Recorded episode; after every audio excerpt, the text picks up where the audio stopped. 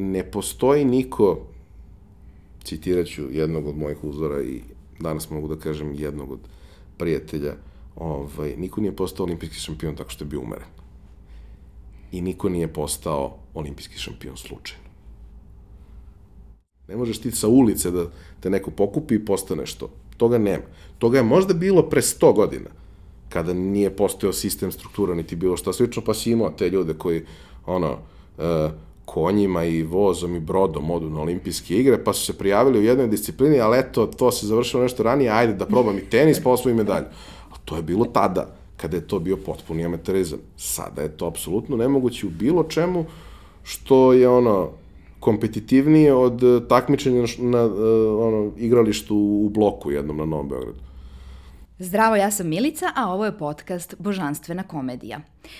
Cilj ovog podcasta je da razgovaramo o temama o kojima se ređe razgovara, o nekim tabu temama, da preispitujemo stereotipe, a ceo podcast realizujemo uz veliku podršku kompanije Visa.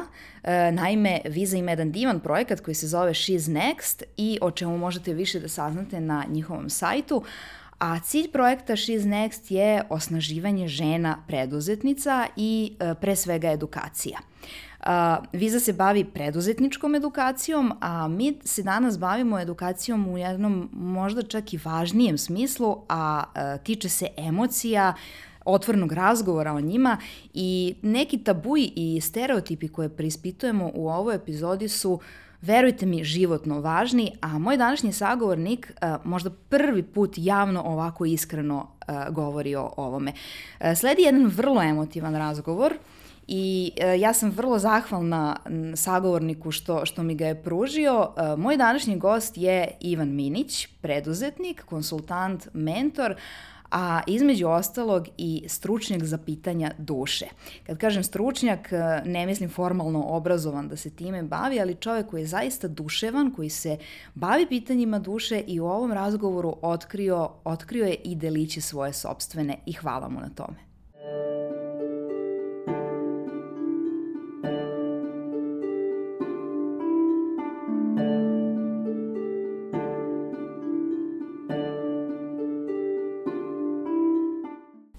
Jednostavno, izuzetnost gotovo uvek podrazumeva rad, posvećeni rad i neodustajanje koje je trajalo 10, 15, 20 godina.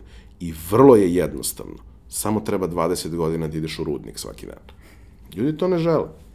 Kao što ne žele da rade ni bilo šta drugo što podrazumeva tu neku vrstu kontinuirane žrtve. A jel misliš da to ima veze sa godinama ili, ili sa ljudima? Jel vidiš kod mlađih ljudi, pošto često radiš s mlađim ljudima, i kad sam ti rekla da menjaš ljude, nisam mislila samo na uh, rad sa njima, nego uh, njihov rad uz tebe u stvari. Meni je recimo fascinantno što ti na praksu uvek zoveš mlade ljude, što ti uh, konferenciju izneseš sa jednim ogromnim timom mladih ljudi koje privučeš ti tvoja energija i to što radiš, a oni zapravo dobiju jedno bukvalno neprocenjivo iskustvo radeći, radeći tu konferenciju. I na neki način radiš s njima, znači uzor si, edukuješ, objašnjavaš kako se neke stvari rade. Jel to, pomenuo si sedam godina kao eto, to je nek, ja sam očekivao da se nešto desi, pa se desilo posle samo sedam godina. Ja skoro nisam čula da neko rekao samo x godina. Prosto ljudima je samo, možda eventualno u mesecima, ne broje samo u godinama. Ja imam utisak da smo svi postali nestrpljivi, a možda su mladi ljudi još više nestrpljivi od nas. Pa vidi, jesu. Ovaj, jesu, zato što im se kroz javni prostor servira instant priča koja prvo je neiskrena i netačna najčešće, a onda je i nešto što ne može da se replicira jer ja kao inženjer naivac, barem dok ne diplomiram, jako verujem u to da nije važno da će stvari da budu dobre ili loše, važno je da je predvidljivo. ovaj, e, e, predvidljivo je da će nešto što zahteva veštinu i znanje da traje. E, ljudi nisu spremni da podnesu tu vrstu žrtve, nisu spremni možda da stave e, sva jaja u jednu korpu ili mnogo, veliki procenat jaja u jednu korpu, jer naravno mogu da naprave grešku, mogu da se fokusiraju na nešto što će se sticem socioekonomskih okolnosti ispostaviti kao pogrešno za 10 godina. Ali, mislim, čak i da to bude slučaj, a gotovo nikad nije, mislim, takvih slučajeva ima, na, možda ih nabrojiš na prste jedne ruke, ovaj, a, taj put je nešto neverovatno vredno i ako je to, recimo, ajde, bliska mi je tema tehnologija, ako si se ti opredelio za tehnologiju koja je uh, koja će u tih 10 godina lagano kreći da silaze sa scene ili biti u izumiranju, ti si i dalje naučio toliko toga da mnogo lakše možeš da se prešaltaš na neku drugu tehnologiju u odnosu na nekog ko ne zna ništa o svemu tome. To jeste teško. Naročito što mi te sve stvari, to mislim da nema veze sa, sa godinama, to je mentalitetska stvar, to ima veze sa ovim podnebljem, mi mislimo da je obrazovanje nešto što se završava. I može i tako, ali onda ne znaš ništa ceo život i budeš prepušten tome da ti neki šef određuje kako ćeš da živiš. Okej, ko je spreman na to, mislim, svako ima pravo da živi svoj život na način na koji želi, ja nemam problem sa tim. Ja samo nisam taj lik. Ja ću da učim stalno nešto novo, jer mene to zanima, mene, to loži. I ono što sam skapirao jako davno, a onda i potvrdio sebi i kroz svoje i kroz primere svih ostalih, pa recimo i Srđan Ercega, to je da ljudi ne mogu da ignorišu neverovatnu količinu ljubavi i posvećenosti koju ti spreman da usmeriš ka nečemu. Neko će da ignoriš, ali prikupit ćeš oko sebe neke ludake. Sa pet ludaka možeš da uradiš neverovatne stvari. Sa 30 ludaka još više od toga. I uvek je stvar u tome da, ono, ako ne znaš kako da vodiš ljude, vodi ličnim primjerom. Jedan od najjednostavnijih načina da vodiš ličnim primjerom je da kažeš kada si kriv, da si kriv. Ja i dalje ne mogu odraslim ljudima koji su završili neke ozbiljne škole da objasnim da e, preuzimanje odgovornosti i gađanje nekog odgovornošću nije lični napad. Znaš, kao, ne znam, ra radimo neki projekat i sad nas je četvoro i zna se šta je čiji posao i jedan od nas nije uradio šta treba i ja kažem, ok, ti si kriv. Pa ne mislim, e, kakve to vezi? Pa, počinjemo od toga što ti kažeš da si kriv, a onda zajedno smislimo kako ćemo to da rešimo. Ali ako ja mogu da kažem uvek kada sam kriv, očekujem da to može da kaže i bilo ko drugi. Ili ne treba da radimo zajedno. Zato što, e, ako pričamo o tome kako će to da izgleda pred klijentom, uh, ja ću da izađem i kažem da sam ja kriv, nije uopšte važno, ali mi interno moramo da budemo neosvojiva tvrđava, ako ćemo to tako da, da, da definišemo. Ovaj, I to jeste ono što, što je veoma važno. Imao sam recimo jednu situaciju pre par meseci, gde isto tako ovaj, uh, stvar koja je bila stvar interno tima se prelila i na saradnike koji su to radili. Odnosno, ja sam pred saradnicima rekao kolegi koji je napravio grešku, da je napravio grešku i da je on kriv. I on je to doživeo jako strašno. I onda smo imali razgovor o tome i onda sam ja objasnio, vidi, ako ja ne kažem tebi da si kriv, nego se pravimo ludi, a svi znamo ko je kriv, kako očekuješ da kažem podizvođaču da je on kriv? I oni će da kažu, no, no, la, la, la, la, ne znamo, ne znamo šta se desilo. Ovako, ja sam kriv, ti si kriv, on je kriv i svi smo odrasli ljudi. Ko to ne može da podnese, ima toliko divnih poslova, fali ovoj zemlji bibliotekara, ima hiljadu stvari koje neko može da radi. Ali ako pokušavaš da budeš neka vrsta lidera, to počinje od toga što kažeš kad je teško, ja ću, i kad je teško ne napred nego za mnom, i kad postoji problem i kad postoji greška, onaj ko je kriv to treba da kaže a vrlo često je kriv lider jer je on usmerio masu na neku stranu. I naravno da, da može da se dođe. I nije problem napraviti grešku. Nije problem napraviti nistu grešku nekoliko puta, mada jeste malo odraz neinteligencije, recimo. Stvar je samo u tome da iz svakog tog iskustva bi trebalo da naučiš nešto novo. Možeš ti da napraviš istu grešku deset puta zato što su okolnosti koje su dovele do te greške bile različite. Znaš, jednostavno, ne može sve da se predvidi na ovom svetu. Ja bih voleo da mogu sve da predvidim i ja ću, moj mozak će raditi tako da će da razradi hiljadu scenarija, ali i dalje neću predviditi sve. Fora i nije o tome da predvidiš sve. Fora je da e, prostor za grešku svedeš na nešto što može da se iskontroliše. I onda kada dođe do problema, kada dođe do greške, to nije pomeranje brda, nego je, treba se sklone neka dva panja. Dobro, brate, ono, nećemo noća spavati, to ćemo završiti, ali ako treba brdo da pomerimo, to je nemoguće. Ajde da ga pomerimo iz oblasti nemogućeg u moguće, pa onda ćemo u mogućem da poginemo i da napravimo, nije važno. To je ono, ista stvar kao i sa preduzetništvom. Samo nemoj da napraviš one najgluplje greške. Napravit ćeš greške sigurno prave ljudi koji su mnogo iskusniji od tebe, znaju sve, pa opet ne mogu da predvide i procene kako će stvari da se uradiš istraživanje i tržište na kraju ne odreaguje onako kako je, kako je bilo, ali odreaguje na neki način. Ti dobiješ neku povratnu informaciju koja je ok, samo nije onoliko dobra koliko si očekivao ili je više dobra nego što si očekivao. Pa prilagodi se. Ja mnogo volim dinosaurus. Znam. Oni se nisu prilagodili. Da. Nisam siguran koliko bi bilo komotno živeti da jesu, siguran sam da bi haos u saobraćaju bio sličan kao što je i sad, bar koliko sudeći po filmovima, ali oni se nisu prilagodili. Da li zato što e, nisu mogli ili zato što su mislili da su veći od toga, ne znam, ali iskustvo mi kaže da kogod se nije prilagodio vremenom je nestao ili prestao da bude relevantan. Kako se ti prilagođavaš? Pošto uh, imaš običaj da pokrećeš razne biznise stalno, to je valjda isto deo dijagnoze, ne znam, ali nikako ne prestaješ, stalno nove neke biznise pokrećeš. Uh, u poslednje vreme ne pokrećeš ih sam, ajde makar nešto, znači ne radiš makar sve sam. Uh, kako izađeš iz toga? Jel i dalje, pošto ne možeš da se kloniraš, ne možeš da budeš u 12 biznisa u isto vreme, um, jel delegiraš ili u nekom trenutku shvatiš da to nešto ne radi kako si očekivao pa se to zatvori ili prestane, o, jer moraš da napraviš nekakav prostor životni za novi sledeći biznis. Dakle, kako rešiš da nešto uđeš u nešto i kako rešiš da posle nekog vremena izađeš iz nečega? Nisam još izlazio, odnosno jesam suštinski u nekoliko navrata, ali ne u baš klasičnom smislu. A, pa, prvo kako dođeš uopšte do toga? Pa dođeš do toga zato što imaš potrebu da nešto uradiš.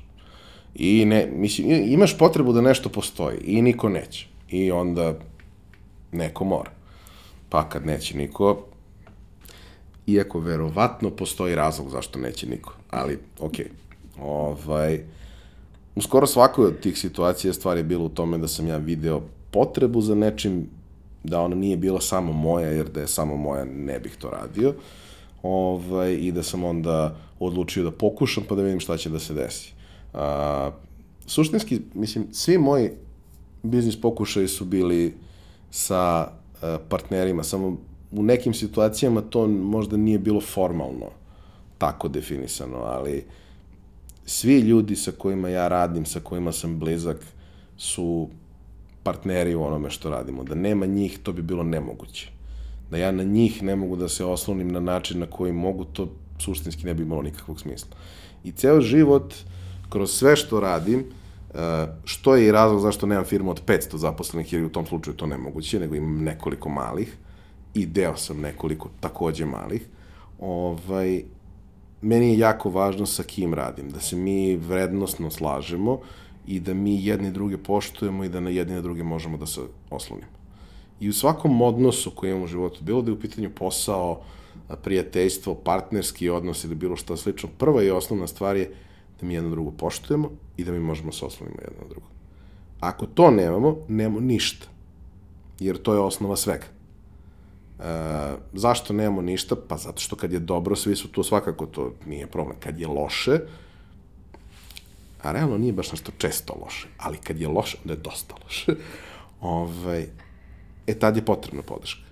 I ja sam imao par nekih situacija u životu koje su zaista bile teške iz raznih nekih razloga, ovaj, i poslovno i privatno, i svaka od tih situacija mi je potvrdila da su ljudi kojima sam okružen najdivniji ljudi na svetu. Kako sam ja njih, došao do njih i to se, kažem, verovatno se takvi ljudi međusobno prepoznaju, a onda i mnogo radiš na tome, jer samo od sebe nećeš, šta god da ko misli i priča, ovaj, ali mislim da, da, da, da, da je to jedan prilično dobar način. Naravno, ima i grešaka.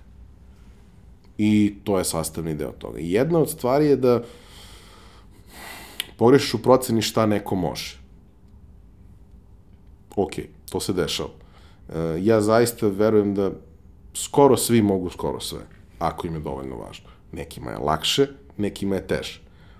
Ali da uz dovoljnu količinu uh, truda i, i nekog zajedničkog rada na tome, možeš i od osobe koja nije spremna da napravi korak kroz neko vreme da napraviš osobu koja će da se popne na vrh nekih stepenica.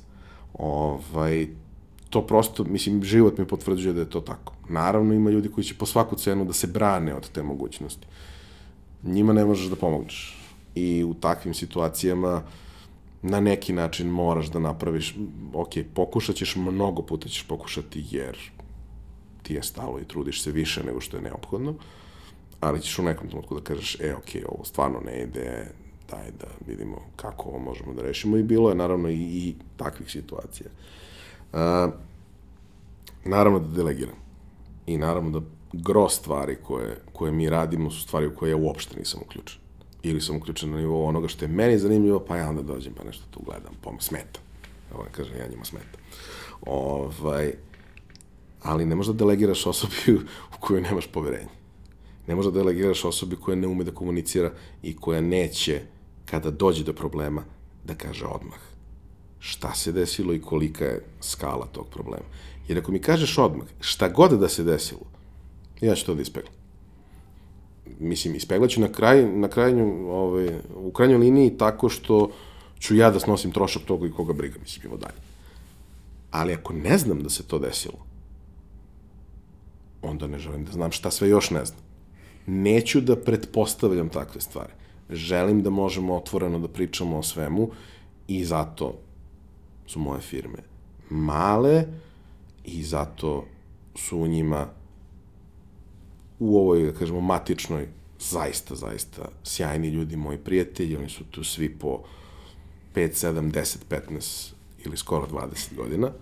Ovaj, a u ostalim firmama gledam da u, na osnovu onoga što je dostupno izaberem najbolje moguće. Naravno da ne možeš da nađeš apsolutno sjajne ljude za pozicije koje niko ne želi da radi, ali u datim okolnostima da nađeš najbolje moguće i da na neki način pokušaš da ih uh, da izvučeš iz njih ono najbolje i zbog sebe i zbog njih i da kada izvučeš ono najbolje oni budu nagrađeni za to da razumeju kako sistem funkcioniše da ono neće niko da ti prebaci ukoliko si napravio grešku. Hoće kad je napraviš peti put istu, jer to znači da nisi koncentrisan.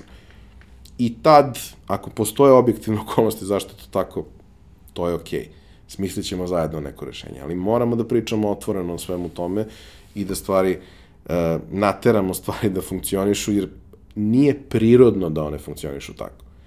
Znaš, kad sam imao sad razgovore sa praktikantima potencijalnim, Ovaj, to je dosta bilo ovako intenzivno i strašno na mnogo načina, ali ja sam potpuno otvoreno pričao sa svima njima o tome šta se od njih očekuje, kakvi smo mi, u kom slučaju taj posao jeste za njih, u kom slučaju nije. I čini se da su oni to sve dosta dobro skontali. Prema onome što sam dobio kao feedback od njih, jesu. A kada vidim kakva su mi se deca, i ne samo deca, ali primarno deca prijavila, e, čini mi se da sam uspeo negde da prenesem to e, i kakav sam ja i kakav je kolektiv i kako radimo na svemu na čemu radimo i ko, ko su nam klijenti i tako da. Ška, ja mogu da imam 10 puta više klijenta nego što imam. Ne želim. Biram. Biram otrov. Mislim, ne, ne biram otrov, ali vrlo biram s kim će ti ljudi da rade.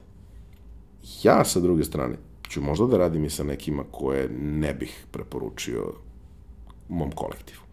Zašto? Zato što novac. Ja volim novac, dosta, i zato što, ne volim novac kao takav, nego novac omogućava razne stvari. I ja sam veliki ljubitelj stvari koje su mi omogućene. Ovaj, I to nekada znači da ću raditi sa klijentima koji mi se ne dopadaju nužno na projektima koji mi se ne dopadaju. To ne znači da ću raditi sa onima koji su stvarno problematični. Neću. Ali, ovaj, da, može da se desi da uđem u nešto što je kao da neko dođe i viče na mene, na primjer. Niko ne viče na moje zaposlene. Na mene mogu da viču. moja dnevnica je tolika da mogu da rade šta god hoće u principu, a vrlo verovatno ako viču, imaju dobar razlog, jer sigurno me nisu zvali da pričamo o tome kako je novi aparat za espresso baš super. Prvo ne pijem kafu, a drugo ne bi znao da kažem. Znači, zvali su me da rešavamo probleme. I zvali su me verovatno kad je već dosta dogorelo. I onda je potpuno okej okay da neko dođe i izbaci sve iz sebe, ti to saslušaš i kažeš, dobro, i šta ćemo sad? I onda dođete do nečega. Ili shvatite da ne možete da radite zajedno, ili kako god. Ovaj, ali kažem, to je nešto na što sam ja spreman, nešto što ja prihvatam, ali nešto što ne želim za, za bilo koga drugog. Mislim, ono kao, raditi kod nas znači da, osim ako nisi malo blesav, nećeš nikad doživjeti burnout. Što ne znači da ja neću. A, da, skoro si mi poslao tog saradnika za kog sam ti rekla da ga znam i da je divan, a ti si mi odgovorio, sva moja deca su divna. Pa jes. I, I meni je fascinantno to što ćeš ti da delegiraš uh, prijatne stvari. Znači, ti si u fazonu, ja ću da idem tamo na vetrometinu i da me šiba vetar, a moju decu neće. Jel ti odgojiš decu ili, ili biraš ljude koji su ti slični? Pa vidi, pre jedno deset godina sam imao jedan razgovor sa prijateljem koji je tada došao da radi kod nas, koji mi je pitao, ali šta ću ti ja, ja ne znam ništa od toga što, što tebi treba. Ja sam mu rekao, dobro, slažem se, ali ja ću te da naučim to što meni treba, treba mi dve nedelje da te naučim za početak, pa ćemo lagano, ali tebe ne moram da vas pitam. Ja ne mogu nikog da vas pitam više, meni muka toga. Posebno što ono, možda vas pitaš nekog od, ne znam, 12 godina. Ne možda vas pitaš nekog od 30 godina. On je navikao da funkcioniše na određeni način. On misli da ono živi sa roditeljima i misli da čarape same završe u mašini za, za pranje veša, on izađe samo i baci ih svuda i keva prođe i pokupi, ali on misli da se to ne dešava, nego da magično završe tamo. E, taj što misli da magično završe tamo, on je verovatno nepodnošljiv u kancelariji jer se je okolo sve ostalo. I dokle god je to u okvirima tvog stola, radi šta hoćeš, moj stoj uvek u haosu. Ali kad kreneš da ono, praviš problem i svima ostalima i da im komplikuje život, to tako ne bi trebalo. I to je u principu to. Uh, ono što sam ja negde razmišljao i kako sam probao da celu priču uobličim, što jeste razlog zašto je ona neskalabilna, ali mislim, baš me briga, ovaj, jeste to da uh, nađem ljude koje, um, koje imam poverenja, koji su sjajni, koji mogu na sebe da preuzmu neki deo posla i koji imaju neka interesovanja i sklonosti, onda da ja probam da iskoristim ta interesovanja i sklonosti, da oni u tom poslu budu bolji i budu zadovoljniji što su tu. Ne može naravno uvek, ne može, nigde ne bi moglo uvek, ali to jeste neka ideja. Takođe, moram da imam, pored sebe, još bar jednu, dve osobe koje mogu da preuzmu kompleksnu stvar koja je nejasna da je raščivijaju, da naprave modalitet po kome neko ko ne ume, ne može da rešava kompleksne probleme, može nakon toga da nastavi da radi sa time. Tako da to je taj neki miks. Ako ćemo da pričamo kako bi to trebalo da funkcioniše, da ima nas nekoliko seniora koji radimo takve stvari. I imamo nekoliko onih koji su specijalisti za neke stvari, koji rade te stvari. Brzo, efikasno, mogu da ih rade mnogo, ali su te stvari, da kažemo, relativno jednostavne strukturno, ako pričamo o tome. I to je neki miks kako mislim da, da, da stvari treba da funkcionišu. Sve što je čudno, nepoznato, drugačije, novo, preuzet će neko od nas, dvoje, troje, najčešće su, ako je, ako je užasno komplikovano, slučaj ću preuzeti ja, pa ćemo onda da pričamo, pa ćemo da vidimo šta i kako, ali ja sam proveo 20 godina radeći čudne stvari. Ja sam mnoge stvari sa, i kad kažem ja, mislim, sa timom saradnika u različitim kapacitetima, na različite načine radio mnoge stvari prvi ovde. Ne mogu da kažem da je to bilo zbog toga što je neko rekao da to ne može, ali sigurno je malo pomoglo. A kako ti, ti si sad, ti si bukvalno došao u situaciju da si onaj lik iz petperačkih priča kog zovu da skloni leš. Znači, Ponekad, da. Uh, kapiram da lešer ipak ne sklanjaš. On, Pa, ima, sad. ima druga ekipa koja se time bavi. Ovaj. Ako je eko koža, stvari su dosta lakše, ali sad to nije važno. E, da, e, ali, ali jesi neko koga ljudi zovu kad je teško, kad je problem, Jest. kad je neko drugi nešto već zajebo, kad je neko Jest. pogrešio, kad im je neko treći rekao da više sad ništa ne može, oni ipak zovu tebe. Yes. Jel to, uh, kao, jel to blessing ili curse? Kao, is it a bug or a feature? Kao, šta, šta je to čoveče? Kako si postao Wolf? Pa nisam postao Wolf, ne, ne bih ja to tako rekao, ali ima ta neka kombinacija između ovaj, Harvey Keitela i uh, Michael Clark Duncana iz uh, Zelene milje. Ovaj, uh, Još što je to težak film. Jest. Zašto si sad to pomenuo? pa, Baš smo bili lepo raspoloženi. pa jebi ga. ovaj, uh, znaš kako, mnoga prijateljstva koja traju godinama i koja su rezultovala nekim sjajnim stvarima, bilo projektima ili prosto sjajnim iskustvima, su počela tako što je mene neko zvao jer je neko pre mene napravio problem i onda treba se uradi za 7 dana, nešto što ne može se uradi za mesec dana i mi to napravimo i posle toga sam ja osoba koju zovu svaki put za sve što treba da se radi, jer eto, ovaj, na kraju dana, ako ćemo da banalizujemo stvari, tako se desila i moja firma, ako pogledaš šta se dešavalo šest godina pre. I većina drugih stvari isto tako. Uh, ljudi kad su očajni, onda se raspituju i pitaju, onda im neko kaže i onda ako je to nešto što nije potpuno suludo i nemoguće, a meni je interesantno i ja ću biti spreman da to uradim. Ono što je loša stvar je što to jeste izuzetno stresno i mislim, svakako to više ne radim na način na koji sam radio pre 10 godina. Ovaj, jeste izuzetno stresno. Ono što je lepo je što možda tražiš beskonačno para. Znači, ono, ljudima je u problemu nešto što je neuporedivo veće, skuplje, kompleksnije od toga i to je posao od 2000 eura koji ćeš ti naplatiti 6. Nećeš ga naplatiti 30 jer nisi džukjela, ali, brate, kako da ti kažem, da si se javio četiri nedelje ranije, to bi bilo 2000 eura. Sad, pošto si se javio pet dana pred, to znači da nas četvorica treba da ne spavamo narednih pet dana, e, mora da, ono, mora neko letovanje na Maldivima da se plati mm. da bi to moglo da se desi. I u principu, ono, imaš klijente koji to žele, imaš one koji ne žele, ali kada to prođe i kada pobedimo, neko bi bio u fazonu, ok, to je to, idem dalje, a ja sam u fazonu, ajde vam dam jedno dve nedelje da se iskulirate, onda sednemo da se ove stvari više nikad ne desi. Da li ćete mene da zovete ili nećete, nije važno. Ali vama da se ne dese više nikada, da vam ja objasnim neke stvari, zašto vam se to desilo i tako dalje, jer vrlo često pričamo o stvarima koje su tehničke prirode. Vrlo često se to desi zato što ili sa strane klijenta ili sa strane agencije ljudi ne razumeju kako stvari funkcionišu i koliko je vremena potrebno. Meni nije problem da im objasnim. Ja mnogo volim da objašnjam kako nešto funkcioniše. I onda ja to lepo objasnim i oni više ne prave takve gluposti.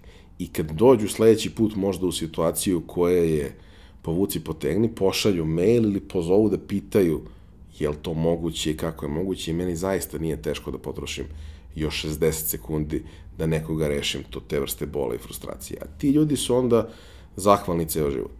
I ono što si me pitala i malo pre, a može da se primeni na ovu situaciju, nema tu proračunatosti. Ti to radiš zato što smatraš da tako treba. I zato što tako treba, se dobre stvari dešavaju kao posledica toga. E, to je to. Toliko je jednostavno. Samo, znaš, kao, ja ću sad da sačuvam to znanje za sebe. Pa, a što da ga sačuvam? Mislim, može i on da izgoogla, samo će mu trebati sat vremena, a ja ću da mu skratim to za, na 60 sekundi. Pa sledeći put kad bude bilo prostora za nešto lepo i kreativno, one će da se sete ili će da me preporuče nekom dalje. Preporuka je najlepša stvar za svetu kada je posao u pitanju. Naravno, nije 100% učinkovita i kroz preporuke može se desiti da naletiš na nekog ko je kreten. Ali ako ono, trčiš prerijom i čekaš ono, na koga ćeš da naletiš od klijenata, dosta je problematičnije nego ako imaš 10 sjajnih ljudi koje poznaju još svako po 10 ljudi i onda nekome nešto treba i oni preporučuju, onda se to desi i bude lepo. Tako da ja dosta verujem u to. Ne verujem u te ono, ne verujem u karmu, ne verujem ni u što u toga. Ja samo verujem da svako od nas treba da se trudi malo više nego što mora i da radi stvari onako kako treba zato što tako treba, a ne zato što će to doneti neku posledicu ili nešto. Ali meni si ti super zato što si ti zapravo ovaj New Age guru koji ne koristi taj jezik. Znači ti bukvalno govoriš stvari koje govore New Age guruji, ali na način na koji je prijemčiv, na primer, inženjerima. Uh, ili ajde da sad da, da budem, da, da, da ne budem, um, um, da ostanem politički korektna i rodno korektna, pa da ne kažem ti pričaš muškim jezikom, a ja to uglavnom slušam ženskim jezikom, ali postoji jedan trend uh, nevezano za pol, o kom smo pričali više puta, a mislim nikad javno, a to je taj trend uh, nekih instant gurua, to je nešto što je Segal pisao još 60. godina da će se ta neka instant vera, instant religija, instant proroci i instant uh, edukatori pojaviti i mi sad živimo to, to njegovo proročanstvo bukvalno i pričamo ti ja često o nekim ljudima koji nisu dovoljno kvalifikovani ni sebe da srede, ali se bave sređivanjem drugih ljudi, tuđih života, tuđih biznisa, oni savetuju, oni edukuju i ja mislim da to ne može da ne ostavi neke posledice. I na edukatora samozvanog i na one koji, sa kojima takav, takav, čo, takav čovek radi. E,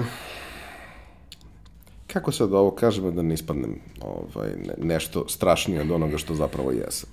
Ja sam čovek koji duboko veruje u prirodnu selekciju.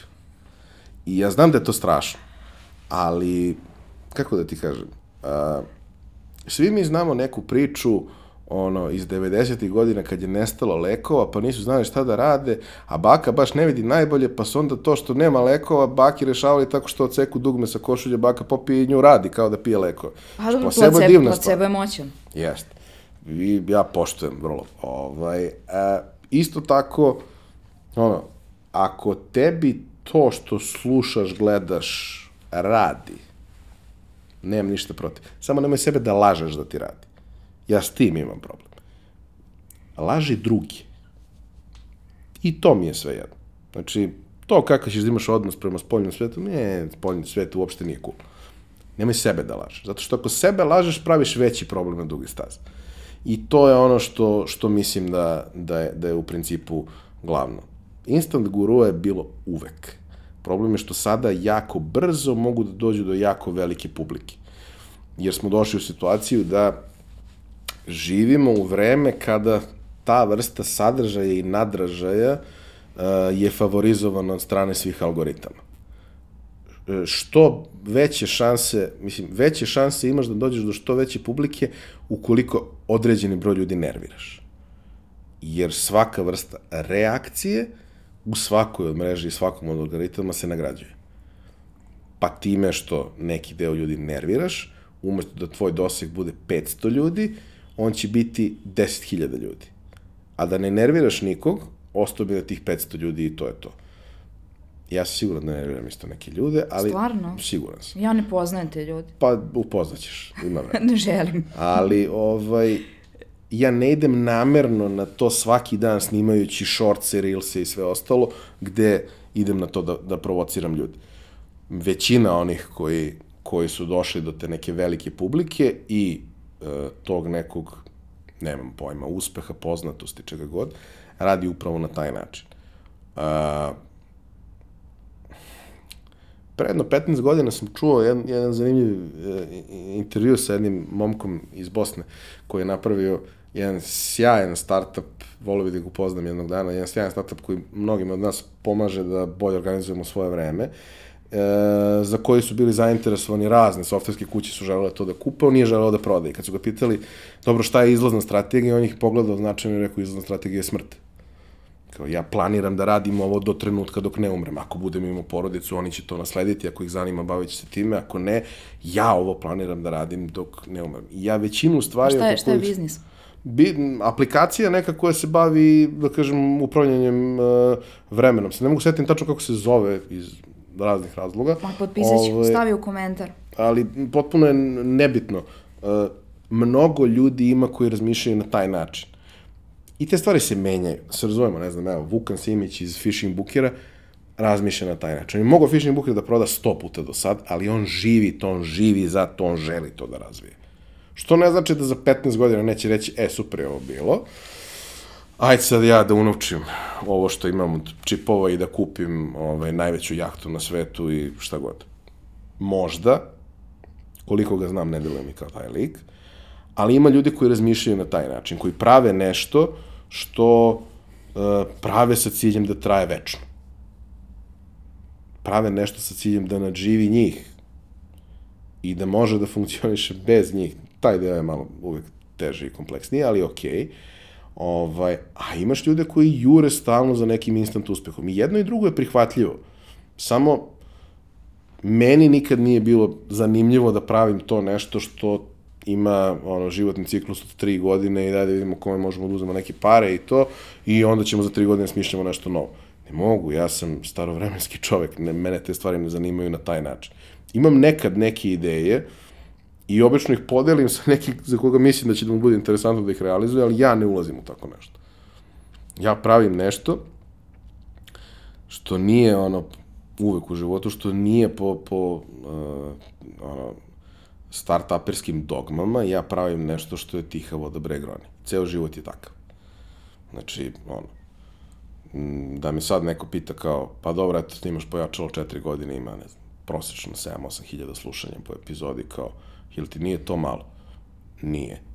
Jel znaš ti koliko je 7-8 hiljada ljudi? Druga stvar, postoji vrlo jednostavan način da ono ima 50, 100, 200, 500 hiljada slušanja. Ali ja mnogo više volim to kad uveče dođem kući tih 7 sati da odspavam ko čovjek. I da nemam, ovaj, da ne moram pijem ruporut kad ustanem ujutru. I kad dolazim na posao, da sam ja srećan što dolazim na posao, osim saobraćaja, ja srećan što dolazim na posao jer ću videti ljude koje volim i radit ćemo na stvarima koje volimo, nego da imam još, ne znam, ono, 2000 evra mesečno, 5000 evra mesečno, 10.000 evra mesečno. Šta će mi? Šta radim s njima? Ja sam čovjek koji nemaš kupiš poklon za rođendan. ja sam tačno. sve kupio što želim. Ima eksperijensa koje nisam doživeo, pa eto, to jeste neka vrsta prilike. Ali nisam ono tipičan čovjek koji mu kao, ne znam, kupit ćemo mu ne znam, Apple Watch za, za rođendan i bit će, bit će presvećen. Ja neću, ja da sam teo da imam Apple Watch imao bi ga. Ja ne želim još jedan uređaj koji mora punim. A i ne volim da imam sat. Ali, znaš, kao, nisam jednostavan u tom smislu i jesam za ovih 22 godine uradio gotovo sve što sam hteo. Naravno. Ima i ono stvari koje nisam, ima i iskustava koje nisam, neka ću ostvariti, neka neću, ako, ako sam, nikad nisam pravio formalno bucket listu, ali jesam neke stvari popisio, pa dobar deo sam ja prošao, znaš. I ovo što nisam, ću prođem, mislim, nije, nije znaš, imam ja vremena, mislim, nije, nije sad to toliko problematično. E sad, ono što jeste činjenica je da ono, u nekim godinama koje su veće od 30, kreneš da razmišljaš čemu sve to i zašto i dokle i kako i ono, postavlja se to pitanje svrhi. Čuo sam da ne postavljaju sebi to pitanje svi, ali ja to pitanje sebi postavljam svaki dan i sve mi je teže da sebi dam odgovor. Ovaj, I naravno, ima dana kada mi nije ni do čega, pa ipak ustanem i dođem, jer trening, jer disciplina. Ovaj, ali da, svakako bi bilo lakše da tu postoji i taj neki viši cilj koji ja u životu želim, u konkretnom slučaju kao što i oni koji su pročitali knjigu znaju i svi moji prijatelji i tako dalje, to jeste pitanje porodice i neki, nekog narednog koraka, ne zato što mislim da to rešava sve probleme u životu, jer ne rešava to pravi nove probleme, ali drugačije, zanimljivije probleme od onih koje sam rešavao, nego zato što jednostavno mislim da je to negde prirodan korak dalje i mislim da je to uh, ispravan prirodan motiv zbog čega pokušavaš da izgradiš nešto. Jer meni ne treba. Ali ako će biti tu neki mali smešni uh, deca nekad sigurno će budu smešni, znači ne, nema šanse da ne budu, ovaj, oni treba da imaju malo možda bolju poziciju nego što sam ja imao u tom nekom trenutku i treba da imaju mogućnosti da se izraze na možda konvencionalniji način nego što sam ja to imao. Ne mislim da sam bilo šta propustio i sve, ali možda je moglo malo lakše u tom periodu od 16 do 25 recimo. E, želim da budu spremni da mogu da prođu tako nešto, ali ne želim da prolaze nešto tako. A kako sad, pomenu si porodicu, da bi čovek osnova porodicu mora da interaguje sa osobama suprotnog pola. Mada i ne mora u nekim zemljama sada, ali kapiram da sad pričamo o tradicionalnom, takozvanoj tradicionalnoj porodici. Um, nešto u poslednje vreme se više okružujem mlađim sagovornicima i neki mlađi muškarci su mi rekli jednu potpuno poražavajuću analizu ženskog pola, a to je da nije vredno cimanja. Znači da sad to ti svi izlasci i to kao to mora da upoznaje, da hoda ko po jajima, da ne uradi pogrešan korak, da to sve prosto na kraju nije vredno rezultata. Uh, I mislim da i mi kao, sad kao dva pa, tabora pričamo, žene su sve nere, muškarci s Marsa, da žene uporno godinama misle nešto pogrešno i očekuju nešto od muškaraca, a muškarci zapravo tako tamo sede i misle nešto potpuno drugačije. Uh, moja neka predrasuda kao koja, koju sam skoro tek sama sa sobom osvestila, to je da mi u stvari stalno nešto očekujemo. A da nikad to ne kažemo i nikada jasno ne kažemo ja sad hoću da idem, ne, nešto, u, u najboljem slučaju ja kažem, na primer, ja volim kolumbijsku kafu, znaš, i sad očekujem da ti s druge strane sutradan, evo, već si me odveo u kafić gde ima kolumbijska kafa samo, a ti očekuješ da ti ja kažem, slušaj, ide mi se, pijemo kafu, ajmo sutra pijemo kafu. Aj mi daj insight iz tog muškog sveta. Nisam ja osoba koja možete da insight iz muškog sveta. Ti možda daš sve da insight o svemu. Je, recimo da, na primer, hipotetički, da se desi situacija u kojoj meni neko tako priča o tome kako voli kolumbijsku kafu, ja ništa ne znam o kafi i ne razumem. Ja bih kupio karte za Kolumbiju. To bi možda bilo dobro, možda bi bilo jako pogrešno. Ovaj, ali, okej. Okay, uh, Dobro, nemoj baš posle tipa na drugom dejtu odmah kupuš pa, karte za do, Kolumbiju. Mislim, ako ćemo da gledamo istorijski, bilo i glupljih poteza. ovaj, ali, uh, ja sam ti rekao da nije vredno cimanje. Između ostalog, sigurno nisam jedini. Ne, nije... uopšte nisi jedini, ti ne shvataš koliko ljudi mi govori da nije vredno cimanja. Pa zato što smo došli u vreme kada se uh, ta vrsta odnosa svodi na fanel. A ja, ja se bavim fanelom u poslu, ne želim u životu da se bavim fanelom. Ja nisam osoba koja je u fazonu sada ću ja da se potopim u ljude i da profiltiram ovih 500 osoba dok ne dođem do jedne koja je okej. Okay. Ne, ne, ne želim to da radim, ne mogu to da radim. A u velikoj većini slučajeva ovaj, i jedan i drugi pol uh, šalju pomešane signale, testiraju, prave sebi backup i to je sve okej. Okay. Ali Sam... zašto je okej? Okay? Zašto misliš da je u pre, preduzetništvu, u poslu treba da, se, da stavimo najveći procenat jaja u jednu korpu i da se damo 100%? Zašto u vezama ne radimo to? Sve je to okej. Okay. Svako ima pravo da živi svoj život onako kako hoće. Samo ja nisam ničiji backup. I to je to. I ako imamo tu vrstu odnosa, da je tebi to lepo, ali da sam ti ja u suštini za slučaj da ti prva opcija ne prođe, izvini, ali ja nisam ničija druga opcija. Nikad. Znači, ni u poslu nisam druga opcija. Tako nisam ni u privatnom životu. To što sam ja spreman da dam, vredi više ja verujem od bilo čega drugog, a sad mm, svako ima pravo za sebe da proceni šta, šta želi ali to jeste problem. Jeste problem što smo neiskreni, jeste problem što ne umemo da kažemo šta želimo, a ne umemo ni da čujemo kad nam neko kaže šta želimo. I ja sam često imao problem, mislim, ja sam uh, vrlo direktan i konkretan. I ja ako kažem nešto, ne postoji podtekst. To je to. Ako kažem nekom da mi se sviđa, nema 86 teorije iza toga šta bi to moglo da bude. To je to. I ti to možeš da prihvatiš ili ne i to je potpuno u redu. Ja kažem, ja nemam problem sa tim da se nekome ne svidim. Nemam problem sa tim da, ne znam, moj pokušaj se završi neuspehom jer postoje dve strane, pa apsolutno svaka za sebe ima pravo da odluči šta želi. Ja samo imam problem sa tim, ok, ja ću sad da, se, ja ću sad da ignorišem da se to desilo i stavim sve ovo u vakum na jedno dve godine, pa ćemo onda da vidimo šta će da bude. Neće bude ništa. Znaš, ja ću kažem dva puta tako nešto i treći put neću više da se bavim time. Jer nemam vremena, nemam živaca.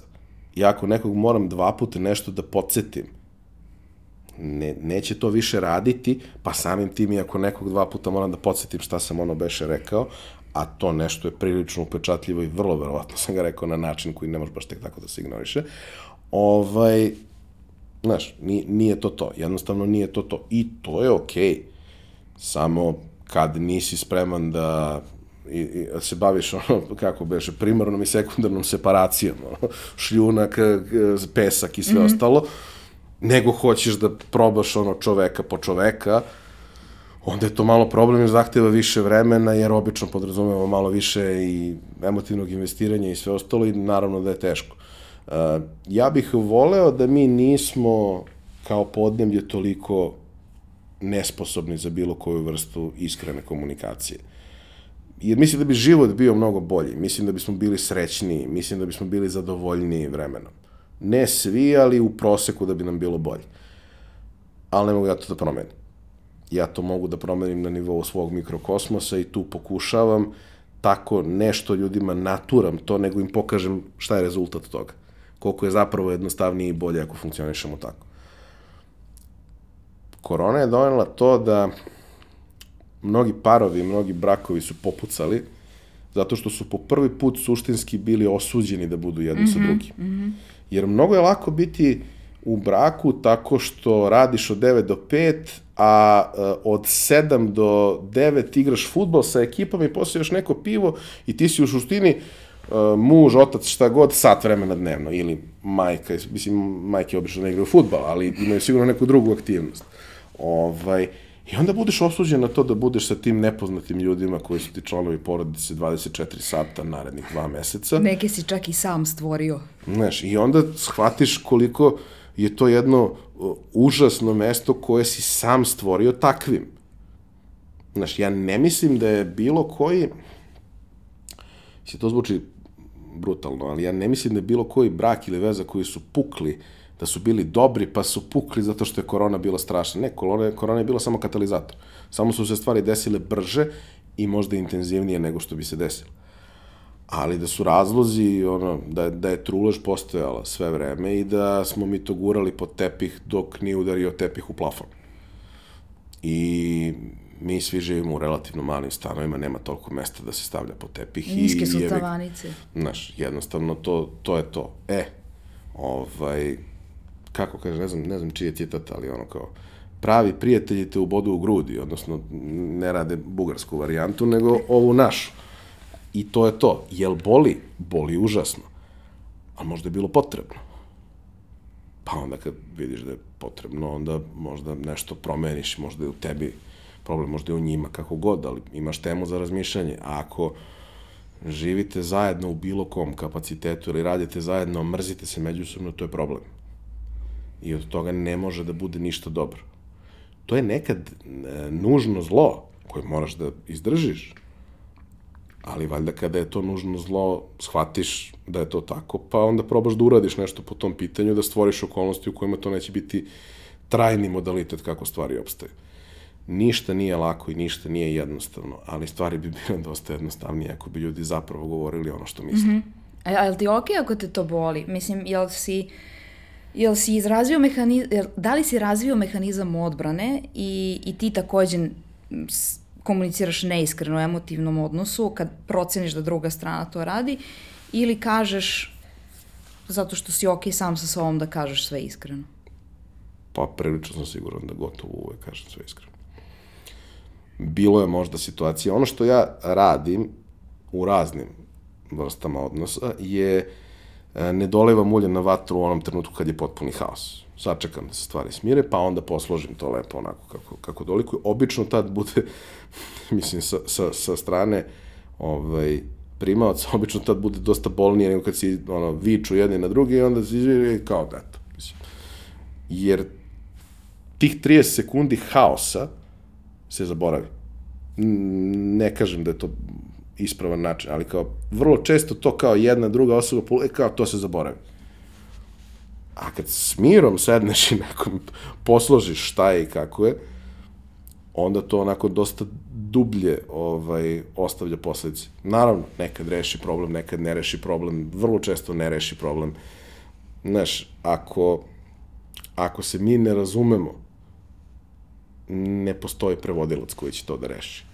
Ovaj, a ne razumemo se zato što je obično jedan od nas neiskren, a nekad i ovo. Ajde da probamo da, da, da pričamo otvoreno, barem u onim odnosima koji su nam važni. Ja verujem duboko u us against the world. Znači, mi smo mala komuna, da li je to porodica, prijateljstvo, firma, mi smo jedno, a šta se dešava izbog nas, prema tome možemo da imamo potpuno drugačiji odnos. Ali mi jedni prema drugima moramo da budemo maksimalno iskreni i otvoreni, jer jedino tako možemo da funkcionišemo. I da, ako nekog voliš, treba to da mu kažeš. Treba da pokažeš ponekad. Ako pokažeš dovoljno često, možda ne moraš toliko često da kažeš ako ti je baš toliko teško. Ali ako ti je baš toliko teško da kažeš, onda verovatno treba da odeš da ti neko pogleda zašto ti je to toliko teško. Nisu te stvari toliko komplikovane. Samo mi nekako konstantno činimo da budu.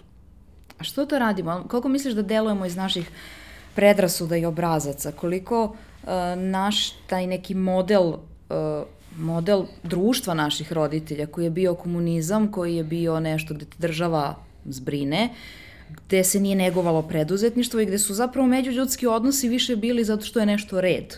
Sad je red da se udaš, sad je red da imaš decu, da ih bude dvoje, zove se Ana i Ivana, nekako. To, to je sve nešto, ne, to su neki obrazci koje mi u stvari sad kao nešto pokušamo da srušimo danas.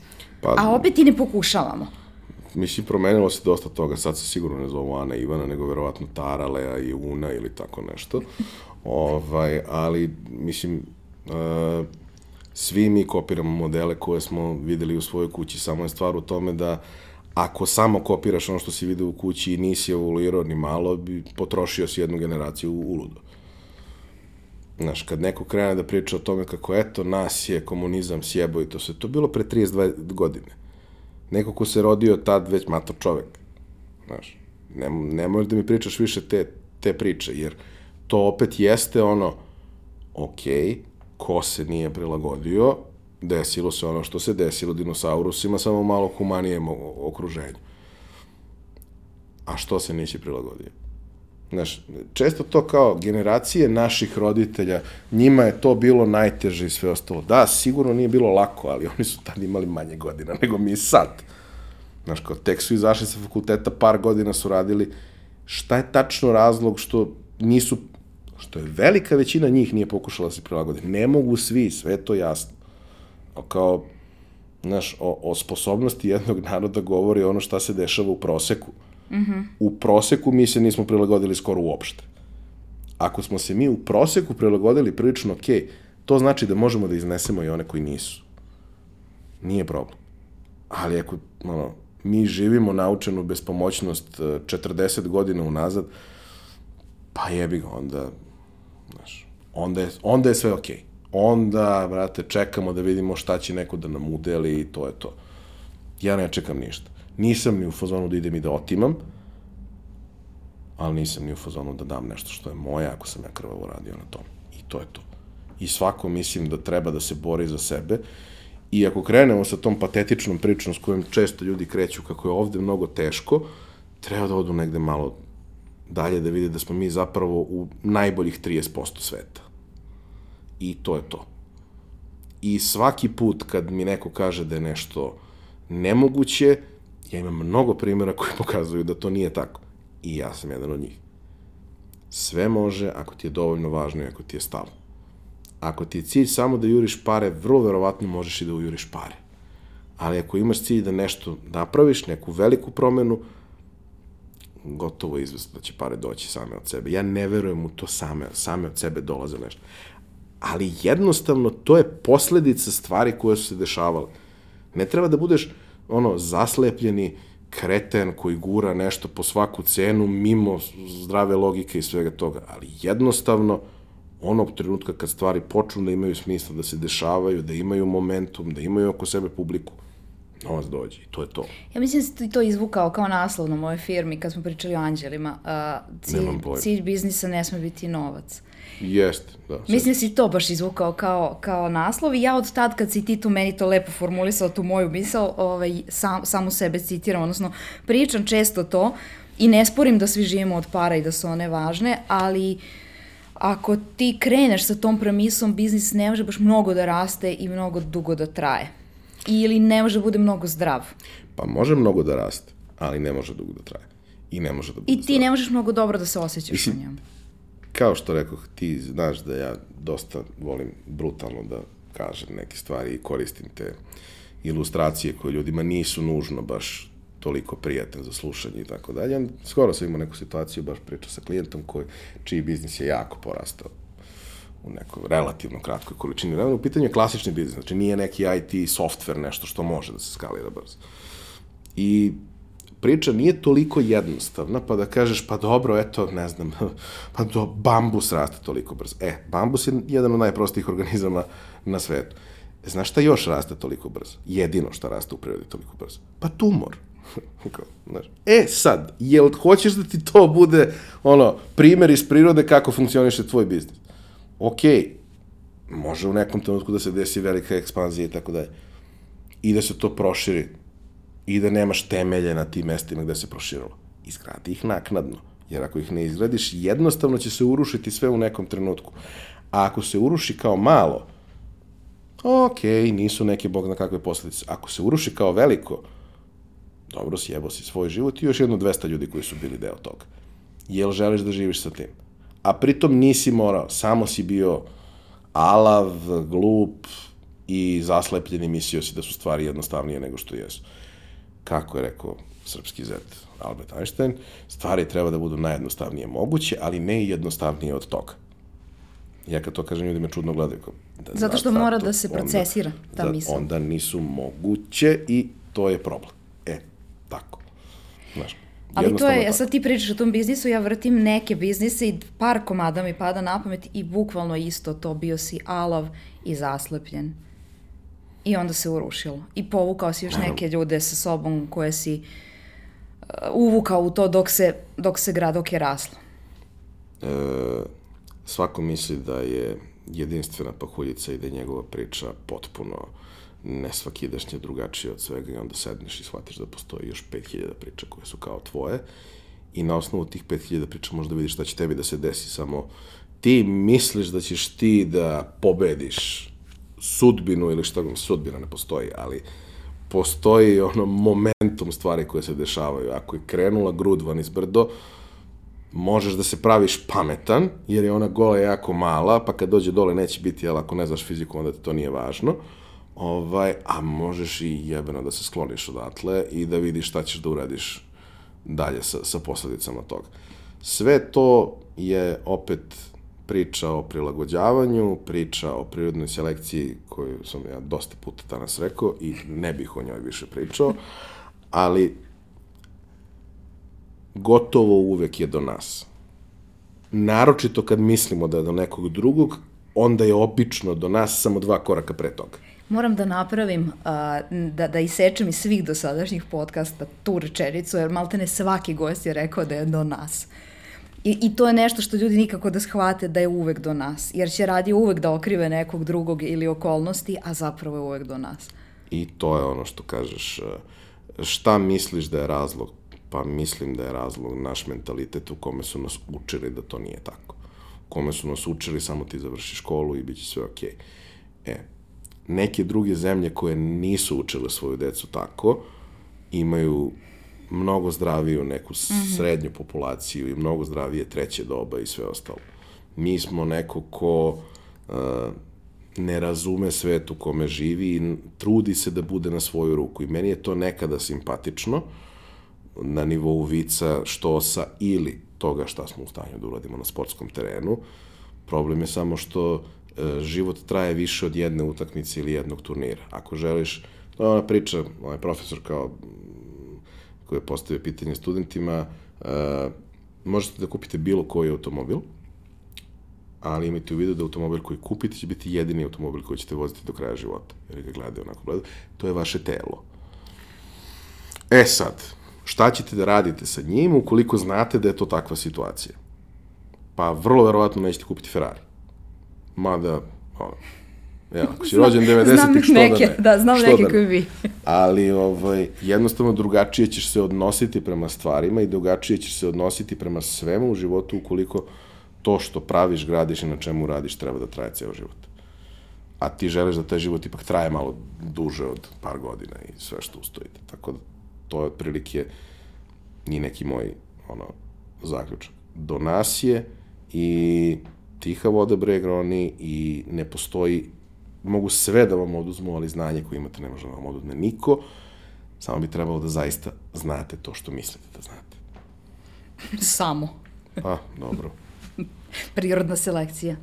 A, evo za kraj jedno pitanje, a napisano ti je na toj knjizi koja nije tu zbog tebe stavljena. Dobro. Iako si ti a, redak muškarac koji hoće da razgovara o osjećanjima, koji hoće da razgovara o, o, o mentalnom zdravlju, koji a, onako kad mu nije ni od čega kaže sad ću da, znam, da nađem dovoljno, dovoljno snažan konopac da se obesim, ali ipak još nisi to uradio. Znači, puno puta si nam pretio, a, mi smo te nekad ozbiljno shvatili, smo počeli ma, malo manje ozbiljno da te shvatamo, ali, ali nisi se ubio.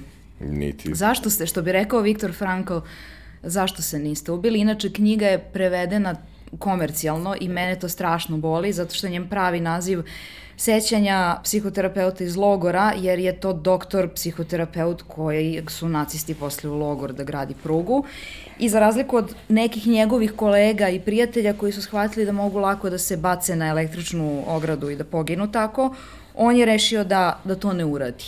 I kasnije se ocelio u Ameriku i na osnovu tog iskustva izgradio ceo taj psihoterapijski pravac logoterapije. Znam da ti znaš ovo, ali mi je važno da čuju ljudi koji nas slušaju. Uh, dakle, knjiga njegovih sećanja koja je izo... o, ta knjiga je meni zelena milja. Znaš, prvi put kad sam je uzela da je čitam, to je bilo malo pred spavanje. Ja nisam ostavila do 3 ujutru i nisam mogla da prestanem da je čitam, a sve vreme mi je cijelo telo govorilo da treba da prestanem da je čitam, zato što je stvarno užasna i predivna u, i u isto vreme. Um, tako da, eto, tvoj, što bi rekli francuzi, raison d'etre ili prosto jednostavnije, zašto se niste ubili? Um, predno 15 godina kad su se pojavili LCD televizori, e, imao si dve tehnologije, LCD i plazma. Uh, LCD je davao oštriju sliku i sve to s tim što nisi imao šta da gledaš od te oštrije slike jer je signal bio užasan. A plazma je davala bolju sliku. Bolje su bile boje, sve izgledalo mnogo bolje. I onda kada smo nekad analizirali to, jedna i druga tehnologija su imali svoje mane i prednosti, ovo danas što gledamo nema veze sa tim. Stari LCD-ovi su imali užasno izbledele boje, to je bilo onako isprano i bez veze. A plazma imala super boje. Zato što je imala crno. I crna je bila crna, na plazmi, a na ovom drugom je bila nešto sivo, bez veze i tako dalje.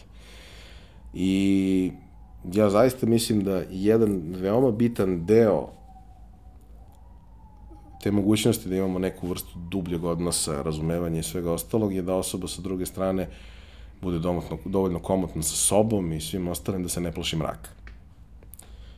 Jer mraka ima svuda i u nama i u ljudima koje volimo i ako nismo tu kada oni tumaraju tim mrakom, onda ne treba da budemo ni tu kada su u klabingu. Mada je u klabingu mrak, ali ima svetlo i čudno je. A, Život je clubbing u stvari. nije, nije. Mada imam ja prijatelja koji misle da je to tako i nemam ništa protiv njihova stvar.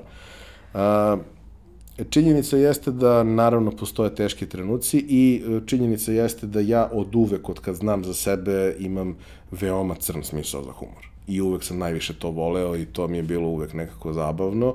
E sad prestalo je da bude zabavno ovih prethodnih par godina kad je počelo da se manje više redovno dešava da se ljudi u našem okruženju ubijaju, pa onda mora paziš šta ćeš da da kažeš i kako ćeš da kažeš, ali to je poštapalica koja nekad je samo poštapalica, a nekad jeste tema za razmatranje. Ali nikad nije ozbiljna tema za razmatranje, zašto bi to uradio neko ko ima divne ljude oko sebe. A, to je borba. Borba sa sobom svaki dan, borba sa problemima i svim ostalim što se dešava. I nije lako pobediti. I nije lako pobediti kada ono, imaš 16 kanala na kojima treba da se boriš, a ne onaj jedan i na jednom nije lako, a kamoli nekim drugim okolnostima. Ali da, mislim, to je poštapalica, ovaj, u mom slučaju. A, iako, a, ja se zaista duže vreme bavim istraživanjem svih tih stvari koje se tiču glave, motiva ljudi zašto rade različite stvari, pa između ostalog i zašto se ubijaju. I naravno to je uvek duboko lična stvar, ali za razliku od većine ljudi, ja sam nekako, čini mi se uspeo da razumem to i da shvatim da to nije reakcija na, na strašnu stvar koja se desila. Gotovo niko se ne ubije u takvim okolnostima. Ljudi se ubijaju kada ne mogu više. A to što ne mogu više je uglavnom njihov život. E ja ceo život pokušavam da živim tako da ne moram da se da ne moram da razmišljam o tome da ne mogu više. Naravno ima teških dana, svako ima teške dane. Ali mislim da je okej okay o tome pričati. I kada sa druge strane na, naletim na osobu koja ne može da priča o tome i koja beži i koja se zatvara u situacijama kada treba pričati o nekim teškim temama, ovo je najteža, ali ima i drugih koje su manje teške, ovaj, shvatim da mi ne možemo da funkcionišemo.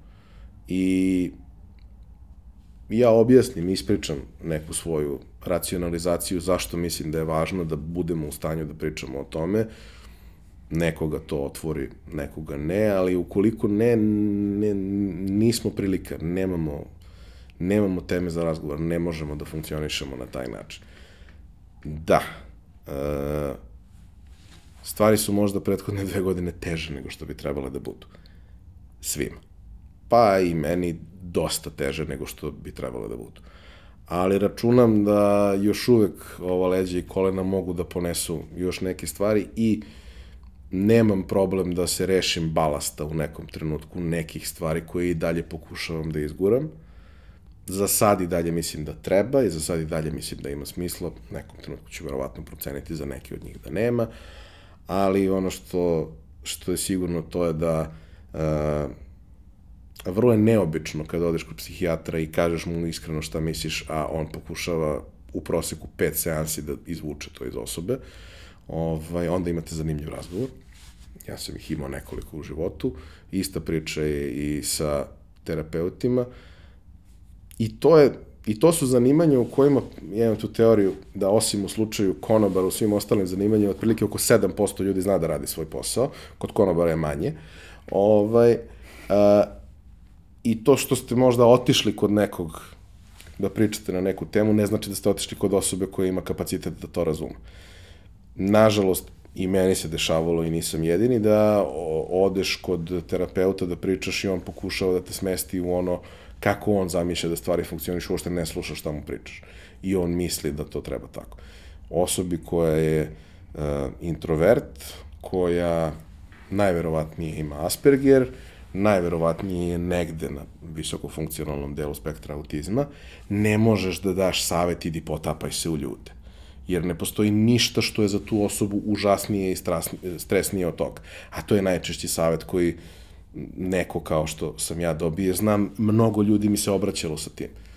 Ok, ajde da vidimo šta možemo da uradimo, ali to, taj feedback govori da ništa nisi saslušao od onoga što ti je rečeno, kao i, uh, ono, kao i ako odeš kod ortopeda sa problemom sa nogama, kaže, ma nema veze, idi dalje, vrlo verovatno ćeš doći ponovo za dve nedelje sa nekim prelom. Ako ti telo kaže, glava, duša, šta god, da nešto ne treba da radiš, možeš ti lagano da radiš na tome da možda povećaš svoju toleranciju na neke stvari, ali ne možeš suštinski da menjaš sebe. I ja sam suštinski i dalje onaj što stoji pored zvučnika. I najviše volim da na događajima sedim u režiji, jer u režiju niko ne dolazi ali mogu i da izađem među ljude, da se pravim da znam šta radim i da mi je prijatno i da onda ponovo pobegnem u režiju među čudaki. I to je okej. Okay. I to je okej. Okay. To je prilagođavanje onome što su neke, neka vrsta društvenih normi. I ono što je vrlo važno, jako je bitno da izgledaš nervozno i zauzeto, jer onda niko neće da ti priđe. Bez obzira što tako izgledaš nervozno i zauzet i onda vidiš osobu koju voliš i zagraviš i budeš plišana životinja i onda svi gledaju ništa im nije jasno i ti nastaviš da budeš nervozan i odeš gde treba. Jer ako se nastavi, grlit ćete se narednih pola sata, to nije dobro. Eto. Ovaj, Malo zbog mene, malo zbog ljudi koji su oko mene, a najviše zbog toga što verujem da treba da se borim i dalje i da život živim na način na koji mislim da je ispravan. Eto, to su neki razlozi što se još nisam. A, pomenuo si psihoterapeute koji daju pogrešan odgovor. Meni je jako, jako važno da kažemo da kao što se ne udaš za prvog čoveka koga upoznaš u životu, a, u tvom slučaju ne oženiš se prvom devojkom, a, tako isto ne mora da znači da je prvi psihoterapeut koga neko upozna taj psihoterapeut koji može nekome da pomogne. To mi je baš važno da kažemo jer psihoterapeut je isto čovek i to je možda najljudski je zanimanje, najviše kao tema neke duše i nečega što jako zavisi od toga kakav je čovek. I zato mislim da treba da možda ohrabrimo neko ko je probao psihoterapiju i shvatio da to nije za njega, možda taj psihoterapeut nije za njega, Sigurno. a ne terapija. Ja zaista mislim da svako ko ne samo ako ima problem, nego ako osjeća da neke stvari ne funkcionišu onako ako je nezadovoljan, ako jednostavno ne ume da izrazi neke stvari, nije, nije mu jasno zašto se neke stvari dešavaju, treba da popriča sa nekim.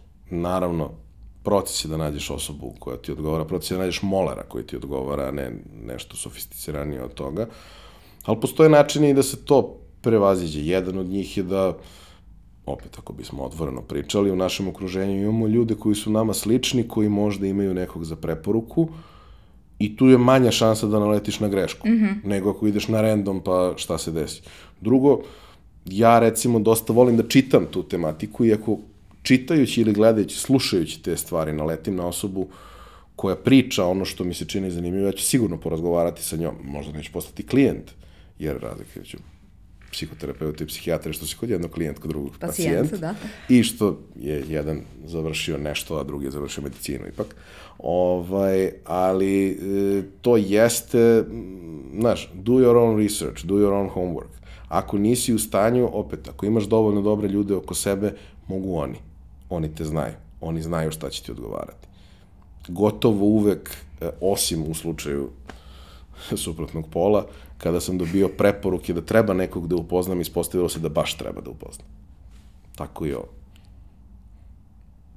A, što kažu, ne bih vas dalje zadržavala. A, meni je, kažem ti, o, o, o, rešila sam da se opustim i prepustim i da ovaj razgovor traje koliko god e, nam je ok, kao kad kažu preporuka za dojenje, dok mama i beba žele. Uh,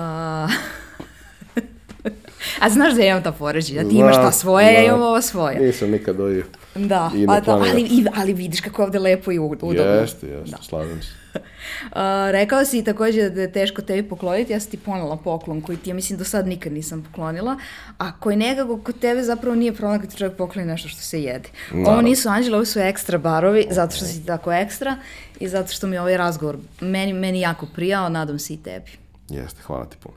Hvala tebi. Thank you.